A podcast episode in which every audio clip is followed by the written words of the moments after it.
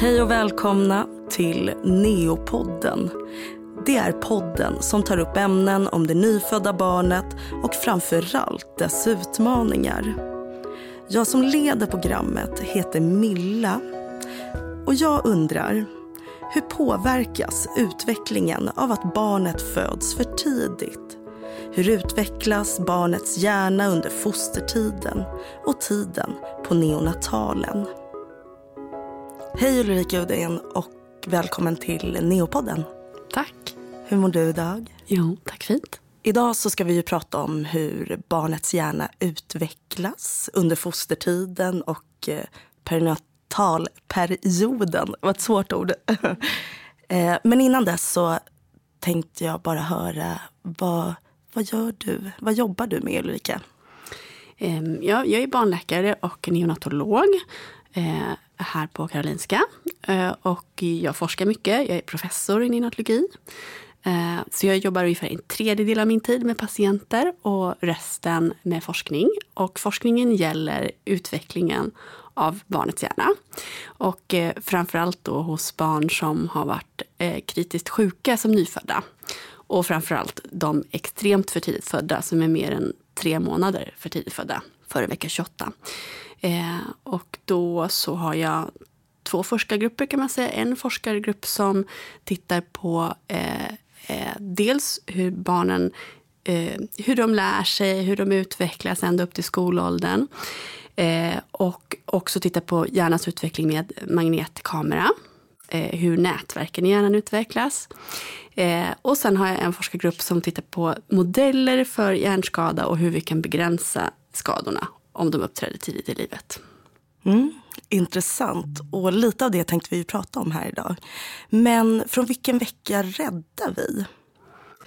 Enligt eh, våra nya nationella eh, konsensusdokument så ska vi ju erbjuda satsning från vecka 22. Eh, ja, så att i Sverige är vi väldigt proaktiva eh, jämfört med många andra länder tidigt. Vad menar du med att vi är proaktiva? Att vi eh, erbjuder intensivvård tidigt. Okej. Mm. Men om man nu tar de här allra minsta, de som är födda i vecka 22 och 23. Hur stor är sannolikheten för överlevnad? Den sannolikheten har ju ökat i och med de här konsensusrekommendationerna som kom 2016. Eh, så eh, är man, som jag säger, mer proaktiv. Man satsar med intensivvård tidigare, ibland från vecka 22 eller från vecka 23. Eh, och i och med eh, de rekommendationerna så har överlevnaden ökat.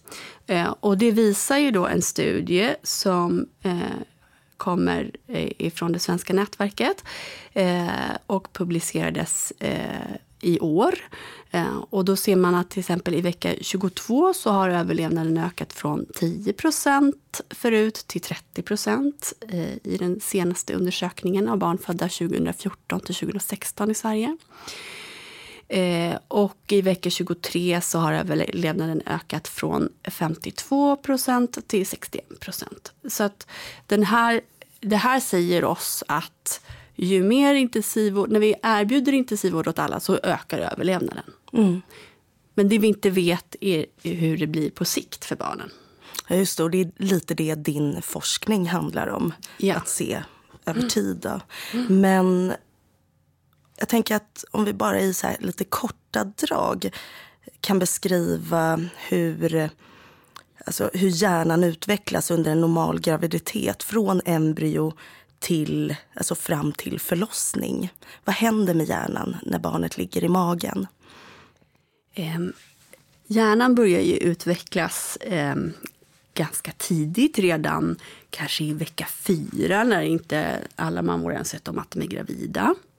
Eh, och sen så eh, bildas eh, nervcellerna mycket i mitten av graviditeten, eh, i vecka 12 till 20.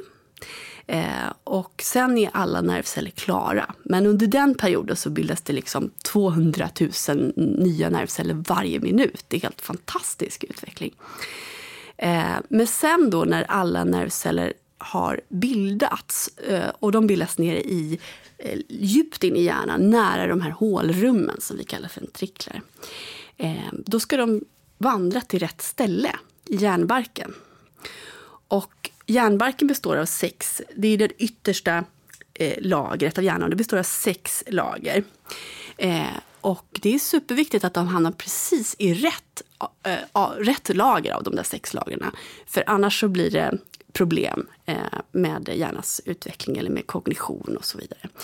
Eh, och då, är det, då leds de här eh, nervcellerna av slags stödjeceller som är lite klistriga som rep som de klättrar upp för. Eh, och så leds de av olika proteiner och koncentrationer av detta till precis rätt ställe bland de där sex lagren. Och det kallas för nervcellernas migration. Och det är klart någonstans i vecka 24, 25, 26. Där någonstans är det helt klart. Och när det har hänt, då ska de här nervcellerna börja kommunicera med varandra. Och då ska de bilda nätverk i hjärnbarken. Eh, och det där, det händer under hela eh, perioden kan man säga som, som man ligger på neo om man är extremt för tidigt född. Eller den sista tredjedelen av graviditeten om man ligger kvar i, i mammas mage. Mm. Och den bildningen av de här eh, små nätverken i hjärnbarken den är väldigt beroende av vad man eh, vad man får för erfarenheter, sensoriska erfarenheter, det vill säga ljud och ljus och känsel. Allt sånt där mm. som, som signalerar in i hjärnan påverkar hur man bildar sina nätverk i hjärnan. Men jag tänker då också, för då, om jag förstod det rätt så bilda cellerna, eller de är i princip klara där i mitten av graviditeten. Och sen ska de här vandra ut och de ska bilda nätverk och de ska hamna på rätt plats. Så. Men vad händer då om man föds för tidigt? Ehm, de här nätverken var ju inte klara förrän i vecka 24 ungefär och sen så ska de få uppgifter och fungera. Men om man då föds i vecka 22-23, vad händer? Mm, precis. Eh, och det är det som vi håller på och lär oss lite mer om nu. Eh, och vi vet inte allt såklart. Eh, men vi ser att de här nätverken utvecklas lite annorlunda eh, vi ser att eh, eh, vissa nätverk som har att göra med att reglera inflödet av eh, sån här information om omvärlden, alltså sensorisk information, att de kanske mognar lite senare. Eh, men det vi tänker är att, eh, för det vet man från massor av tidiga grundvetenskapliga studier att det är just det här inflödet till hjärnan som reglerar hur hjärnan växer. Och vi tänker ju så eh, redan nu på neonatalavdelningen att det här inflödet eller sensoriken ska vara så naturlig som möjligt. Vi vill ha lagom mycket ljud och lagom mycket ljus och lagom eh, känsel eh, som ska återskapa det som skulle ha varit om barnet hade funnits i magen. Så den naturliga delen är just så som det är i livmodern. Det är liksom barnets naturliga miljö även fast den har kommit ut och ligger utanför livmodern. Så att säga. Så det är lite det man vill efterskapa. Precis. Och det är ju så vi, vi ändå har tänkt i närmare 20 år nu med, med NIDCAP eh, som, som vi har på avdelningen. Att vi försöker återskapa en, en naturlig miljö. Sen är det inte helt lätt. Mm. Eh, men en viktig sak som vi ju gör mycket på våra neonatalavdelningar det är att, att barnen sitter mycket hud mot hud med sina föräldrar. Det tror vi är en bra sensorisk stimulans. Eh, jag, ty jag, tycker det är fantastiskt att få jobba i Sverige med neonatalvård eftersom vi har föräldrarna på avdelningen och det, tänker jag, är den naturliga miljön för barnet. Det är ju helt annorlunda runt om i världen där man inte har möjlighet att sjukskriva föräldrar. Eh, och där håller vi på med en del studier där vi inte bara har då den här hud mot hudvården tidigt utan också lägger till andra naturliga stimuli som föräldrarnas röst. Vi har en, en vaggsångsstudie eh, där, man, där barnet, när barnet ligger hud mot hud eh, så samtidigt så har vi en musikterapeut som stimulerar föräldrarna till att sjunga för sitt barn mm. eh, på ett sätt eh, som anpassat till hur barnet mm. känner sig just då. Men finns det något yttre stimuli barnet kanske är lite känslig för och som man bör undvika? Vi tänker ju eh, i och med vår vårdfilosofi NIDCAP som vi eh, redan har på avdelningarna att starka ljud är inte bra. Det är ju inte det är inget konstigt, det är ju inte bra för vuxna heller. Eh, buller, inte bra. Eh, smärta vet vi helt säkert. Det påverkar eh, hjärnans utveckling. Eh, det finns... Kan du säga på något sätt hur det påverkas? Eller tror man bara att det påverkas negativt? så att säga? Nej, men där finns det ganska bra studier. Vi vet till exempel att hjärnan växer sämre för varje stick som, den utsätts, som barnet utsätts för. Så att ju fler provtagningar, desto sämre tillväxt. Och det är särskilt i de här systemen som, som tar emot så att säga, känselinformation och smärtinformation. Det vet vi idag utifrån MR-studier. Eh, det finns också ganska mycket forskning på att mycket smärta hos barnet kan påverka senare smärtupplevelser i livet. Så de här, de här systemen som har att göra med smärta och känsel, de liksom byggs på ett annat sätt i hjärnan då, om man utsätts för mycket sånt tidigt. Så därför tycker vi att det är superviktigt att ge smärtlindring på bästa sätt. Eh, och det ska vara lagom mycket, inte för mycket. För om barnen är för trötta så utve eh, då, då, utvecklas de ju inte heller. Eh, men det där tänker jag att att jag känner att vi har väldigt bra former för det idag på våra vårdavdelningar där vi smärtskattar barnen minst en gång om dagen och många gånger mycket oftare. Eh, och våra sköterskor är superduktiga på att se barnets behov av smärtlindring. Mm. Mm. Så vi har kommit långt i Sverige eh, och det är roligt att jobba här. Mm. Men är skillnaden stor mellan att födas extremt prematurt och då tänker jag liksom kanske under vecka 28 om, om inte långt tidigare jämfört med att bara födas några veckor för tidigt, alltså som lätt prematur. Är skillnaden stor liksom i hjärnans utveckling där och kanske också på sikt hur de mår? Ja, skillnaden är stor ehm, utifrån eh, vilken vecka man är född i, därför att det är en faktor som, som påverkar hjärnans utveckling mycket. Sen finns det ju också ytterligare en sak och det är det att när man är född så tidigt så är risken för komplikationer större. Ehm, hjärnblödningar, ehm, tarmkomplikationer, lungkomplikationer. Och de här sakerna samverkar då, den tidiga födseln och de här, den här sjukligheten det, det, ja, riskerna är större. Är man bara ett par veckor för tidigt född så är, brukar det ju oftast eh, gå väldigt bra. Du nämnde hjärnblödningar. Och en del barn får ju en hjärnblödning sina första levnadsdygn. Eh, men kan en hjärnblödning läka ut och därmed kanske inte ge några bestående men? Absolut. Ehm, det finns ju olika sorters hjärnblödningar. Och man kan säga att de allra vanligaste är ju att det bara kommer en liten droppe blod i, eh, eh intill till eh, hjärnans hålrum. Eller kanske till och med i hjärnans hålrum. Och det brukar vi förklara som ett litet blåmärke som läker sen. Eh, då påverkar inte det hjärnan, hjärnans substans så att säga och hjärncellerna. Eh, men om man har en stor hjärnblödning som trycker på hjärnan, då kan det påverka eh, i synnerhet barns, de långa bansystemen som, eh, som styr motorik. Men det är ju mer ovanligt. Men om det nu är så att det blir en bestående skada någonstans mm. i hjärnan, kan en annan del av hjärnan på något sätt ta över funktionen och kompensera lite? Absolut. Det är fantastiskt med eh, särskilt den nyfödda hjärnan. För det finns eh, så mycket eh, förmåga att anpassa, eh, anpassa byg, byggnationen i hjärnan, så att säga. Plasticitet, eh, som vi forskare säger. Eh, så att det, det gör också att det är väldigt svårt att säga utifrån om man har en skada när man är nyfödd, att säga hur det verkligen kommer att bli sen.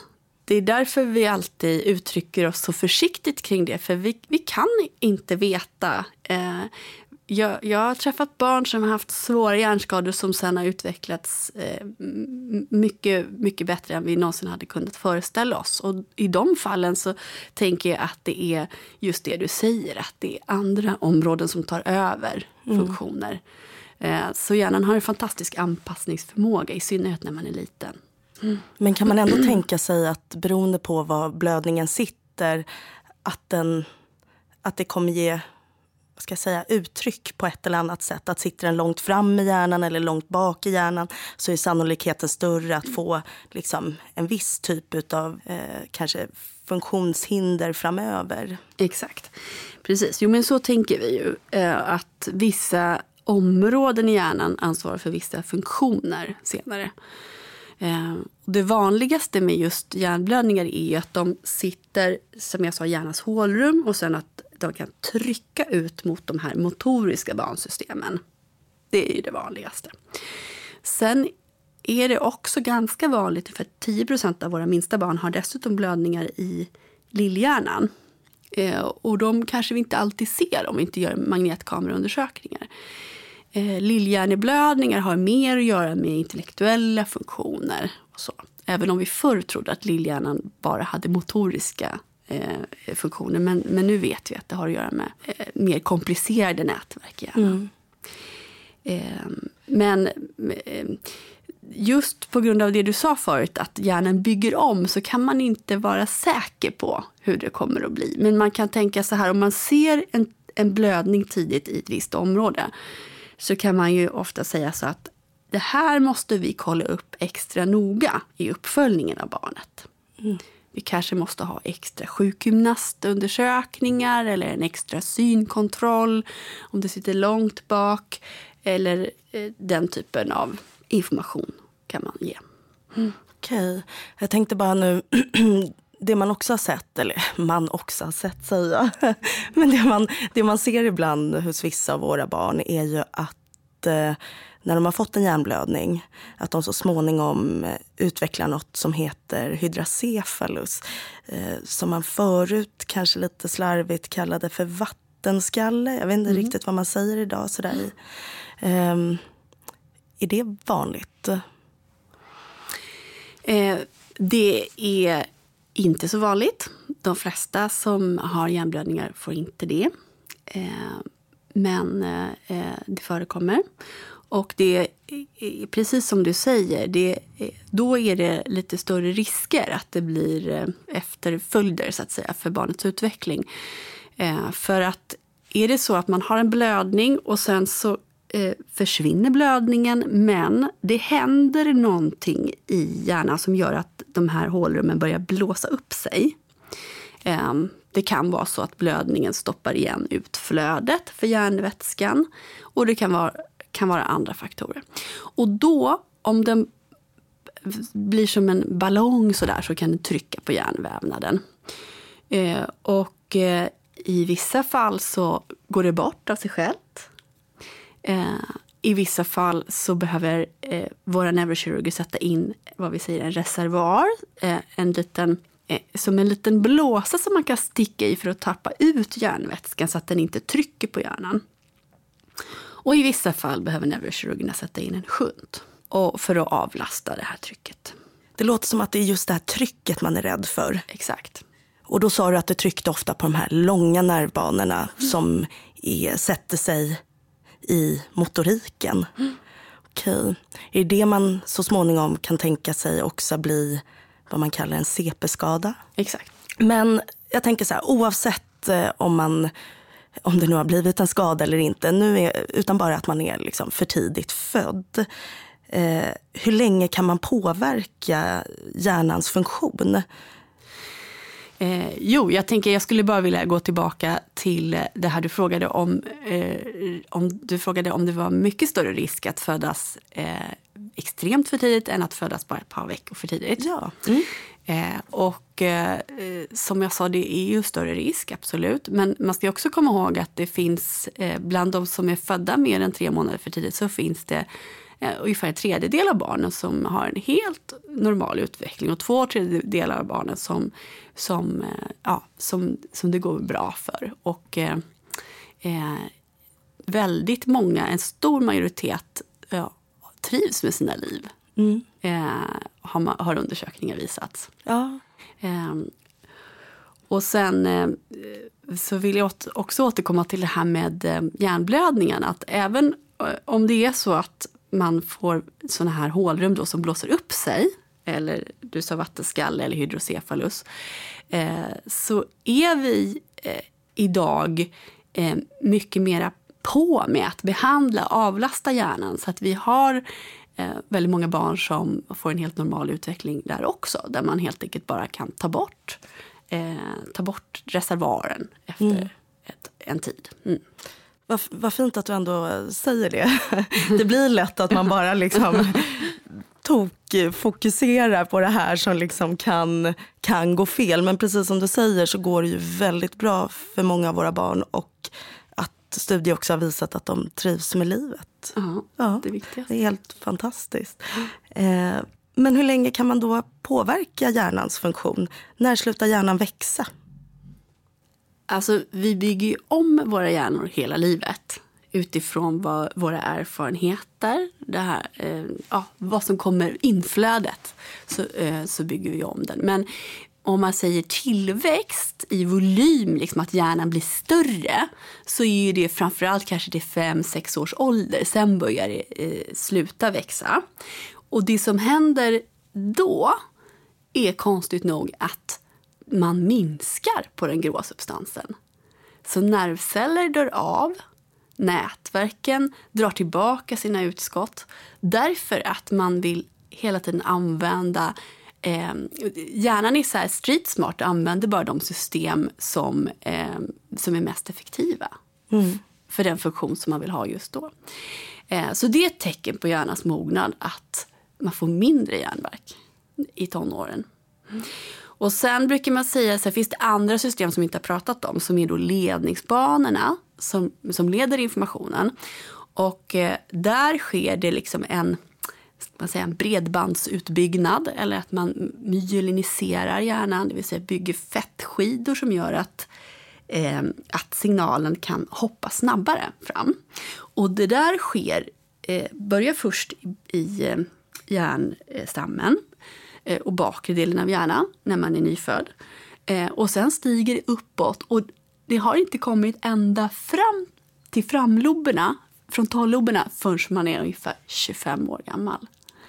Eh, och det där brukar man ju tänka då att ja, unga människor är inte riktigt färdiga, mogna i framloben där man, där man tar beslut och försöker förutspå vad som ska hända och ja, planera sitt liv och sådär. Eh, så att det, då, ja, man är inte riktigt vuxen i hjärnan först kanske 25, 30.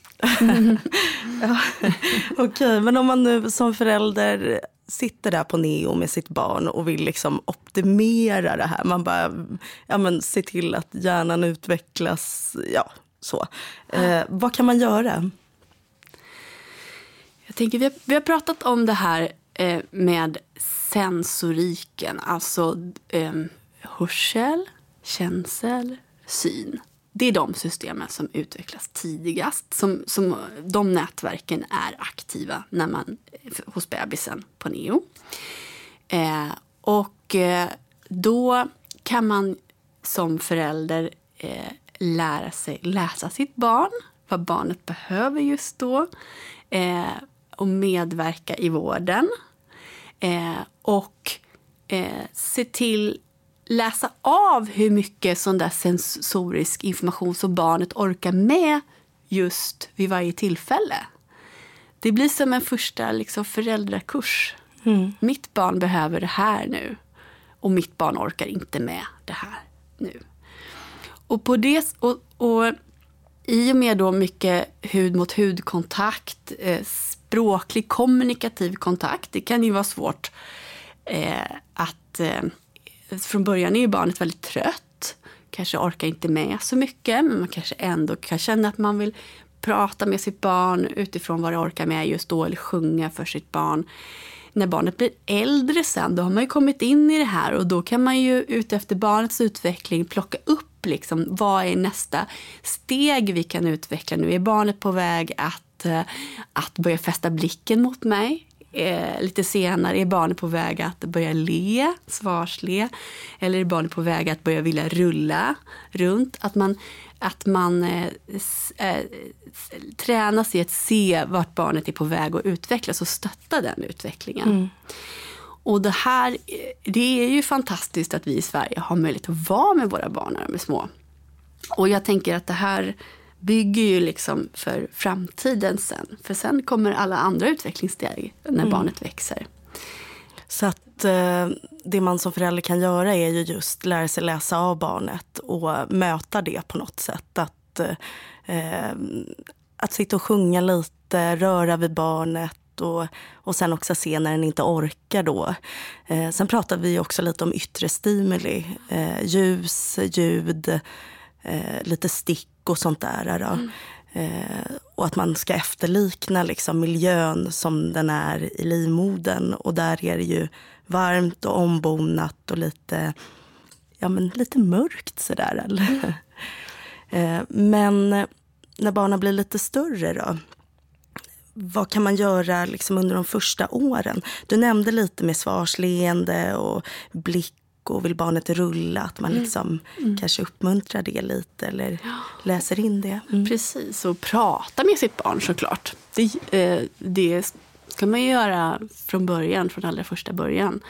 Eh, och locka till kommunikation. Ibland kan det vara så barn som är mycket för tidigt födda att de kan vara ganska trötta och liksom lite svårare att de pockar inte på uppmärksamhet på samma sätt som, som fullgångna barn. Och då kan man få behöva kämpa lite mer som förälder för att få den där kommunikationen. Samtidigt som man måste känna av om barnet orkar med.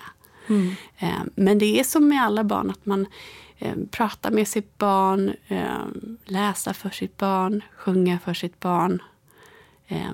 Och samtidigt, som jag inte sa förut, men det gäller ju att att, må, att ha tid för sig själv också som förälder så att man mår bra och orkar med. Eh, så man får inte bli stressad av att man ska hela tiden hålla på och stimulera utan eh, man måste ha tid att, eh, att sova, äta, röra på sig så att man, eh, så man orkar vara där för sitt barn. Eh, och om man behöver, om man mår dåligt, det är ju ganska vanligt att man mår dåligt eh, det är liksom som förälder. normalt ja. att man mår dåligt som förälder under de extrema omständigheter som det kan vara på en neonatalavdelning. Och då är det ju viktigt att man att man tar det stöd man kan få, att man eh, söker stöd om man inte tycker att man får tillräckligt och tänker på sig själv också. Mm. För att man ska ju hålla ganska... Eh, ja, det är en lång väg att gå. Det är det för alla föräldrar och man ska ju orka. Mm. Mm. Ja, mm. så för att kunna vara ett bra stöd för sitt barn så behöver man ta hand om sig själv lite också, tänker du? Exakt. Mm. Och sen tänker jag också en sak som jag tror är superviktig är att man, eh, att man får den här eh, stöttningen i att se vad barnet behöver och att man sen får känna att men jag kan, jag är en bra förälder. Jag, har, eh, jag vet bäst vad mitt barn behöver. För den känslan har man visat i forskning också att den är superviktig eh, för fortsatt utveckling i samspelet mellan eh, barn och förälder. Mm. Och då kan man ju tänka sig att man som förälder redan tidigt eh, ska komma in i det här att eh, vårda barnet och se barnet och sådär. För ibland vilket är fullt förståeligt, så kan man ju se att föräldrarna backar lite första dagarna och vill helst att personalen tar över liksom omvårdnaden. Mm. Och för att man är rädd och det är nytt och det är, liksom, det är, det är lite läskigt på en neonatalavdelning. Mm. Eh, men, eh, men tycker du att man, eller att, att jag som personal ska liksom bjuda in dem lite? Att, kom här nu. Alltså ju tidigare desto bättre. Absolut. Och jag ska bara säga att jag tycker att det är fullt naturligt att man tycker att det är, en neonatalavdelning är extremt onaturlig miljö. Och eh, om barnet, alltså det är ju helt eh, det har man ju ofta inte förväntat sig att man ska hamna där i sitt, eh, mm, under sin första tid som förälder.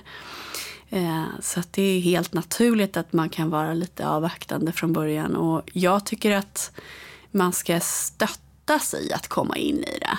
Jag menar inte att man måste liksom tvinga någon tidigare men man ska, det är det som är vår uppgift som personal på avdelningen. Att stötta föräldrarna in i, i att eh, aktivt själva mm. ta hand om barnet utefter eh, barnets eh, förutsättningar. Hur det ser ut rent medicinskt förstås. Då. Men de här små barnen, känner de igen röster och så? Ja. Det gör de. Mm. När i magen, om du vet, när börjar de kunna höra och se? Och när blir de medvetna om sig själva? Ah. Alltså de hör ju från kanske vecka ja, 18 eller sådär. Mm. Eh, de känner ju igen mammas röst. Eh, det har man ju gjort studier på att de, eh, de kan visa mer, suga mer på nappen när de hör mammas röst än en annan kvinna. Ehm, så att... Ehm, och vad var nästa fråga? Nej, när blir de medvetna om sig själva? Ja. Här, när får de ett jag? Ja. Det är kanske en svår fråga. Ja, precis. Ja, det där är ju en mycket filosofisk fråga. Men, men man kan ju säga så här att en förutsättning för att man ska vara medveten det är ju att de här signalerna har kopplats Alltså signalerna om yttre omvärlden måste kopplas till hjärnbarken. Eh, annars tänker vi att det är svårt att vara medveten. Och det sker någonstans vecka 25, 26, 27. Eh, då sker kopplingen och då har man förutsättning för liksom processning på högsta nivå så att säga. Eh, men sen, vi vet ju att eh, alla vi som jobbar med prematur vet ju att de, även ganska små barn kan ju reagera på omvärlden då, ljud och ljus och så. Eh, och vi vet att eh, fullgångna barn, till exempel, att de på något vis vet vad som är mammas bröst och vad som är deras egen kropp.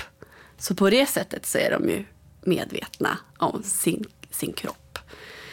Men sen brukar man ju, sen utvecklas ju det där under tiden och för att man ska titta sig i spegeln. Ni vet små bebisar kan ju titta sig i spegeln och se helt förvånade ut. Ja, just det. Förstår inte alltid att det är de, de själva, själva utan ja. tänker att det är någon, någon rolig lekkompis där. Men då måste man ju kanske vara uppåt en två år för att se att titta sig i spegeln och förstå att det där är jag.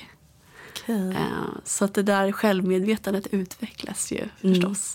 Med tiden. Mm. En till fråga. Minnet, vad minns de från eh, neotiden? Vad tror du? Du nämnde lite om att de kanske har ett eh, nu sa du inte just de orden, men jag uppfattar det som ett känslominne. Har de blivit stuckna eller har vi gjort någonting med dem så kan de bli lite triggade när de blir äldre eller känsliga för det. Mm. Om jag förstod mm. det rätt. Precis. Um, ja, alltså det sanna svaret är att vi vet ju inte än riktigt vad de minns. Men just när det gäller smärta så finns det ju vetenskap som visar på att man, de kan ha byggt om sina smärtbanor lite grann så att de reagerar annorlunda på smärta. Ja. För många föräldrar är ju lite sådär, ja men precis som du nämnde, den här neotiden är ju, den är ju svår på många sätt och man utsätter barnet för väldigt mycket procedurer och föräldrarna kan emellanåt vara väldigt ledsna och sådär. Och många föräldrar frågar ju så här, ja men eh, tror de kommer komma ihåg den här perioden och jag, hoppas att de glömmer bort det här.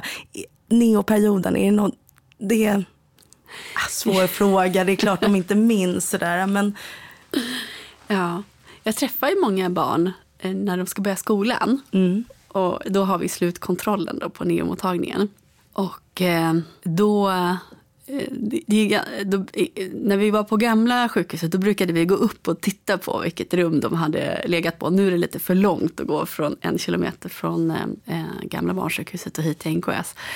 Ehm, men jag uppfattar att barnen ofta tycker att det är, de känner sig lite speciella för att de var så små när de var små. Ja. Eh, och eh, jag uppfattar att det där, ja, det är ju ingenting som de tänker på såklart. Men mm. för föräldrarna så är det ju en stor upplevelse.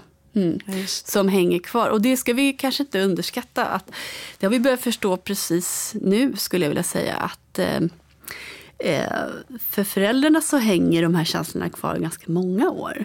Så det kan vara bra för föräldrar att veta att det är normalt att, säga, att känna liksom ökad ångest, eh, depressionskänslor. Idag vet vi upp till ett år efter. Men det finns inte undersökt så mycket senare. Mm. Ja. Om man har tillbringat flera månader på neo så är ju det någonting man bär med sig sen resten av livet som förälder. Inte säkert att barnet bär med sig det på samma nej, sätt. Nej, nej, det är klart. Eh, men Ulrika, är det någonting du vill att vi ska ta upp som du tycker att jag har missat? Eller vad har vi fått med det mesta? Nej, men jag, säger, jag tror jag säger det igen att eh, det är ändå fantastiskt med svensk neonatalvård för att vi, eh, vi gör redan så mycket av det här som är i frontlinjen, det vi har pratat om. Vi har föräldrarna här, det absolut viktigaste. Eh, vi har eh, mycket resurser medicinskt att satsa på barnen, det är aldrig någon diskussion kring det.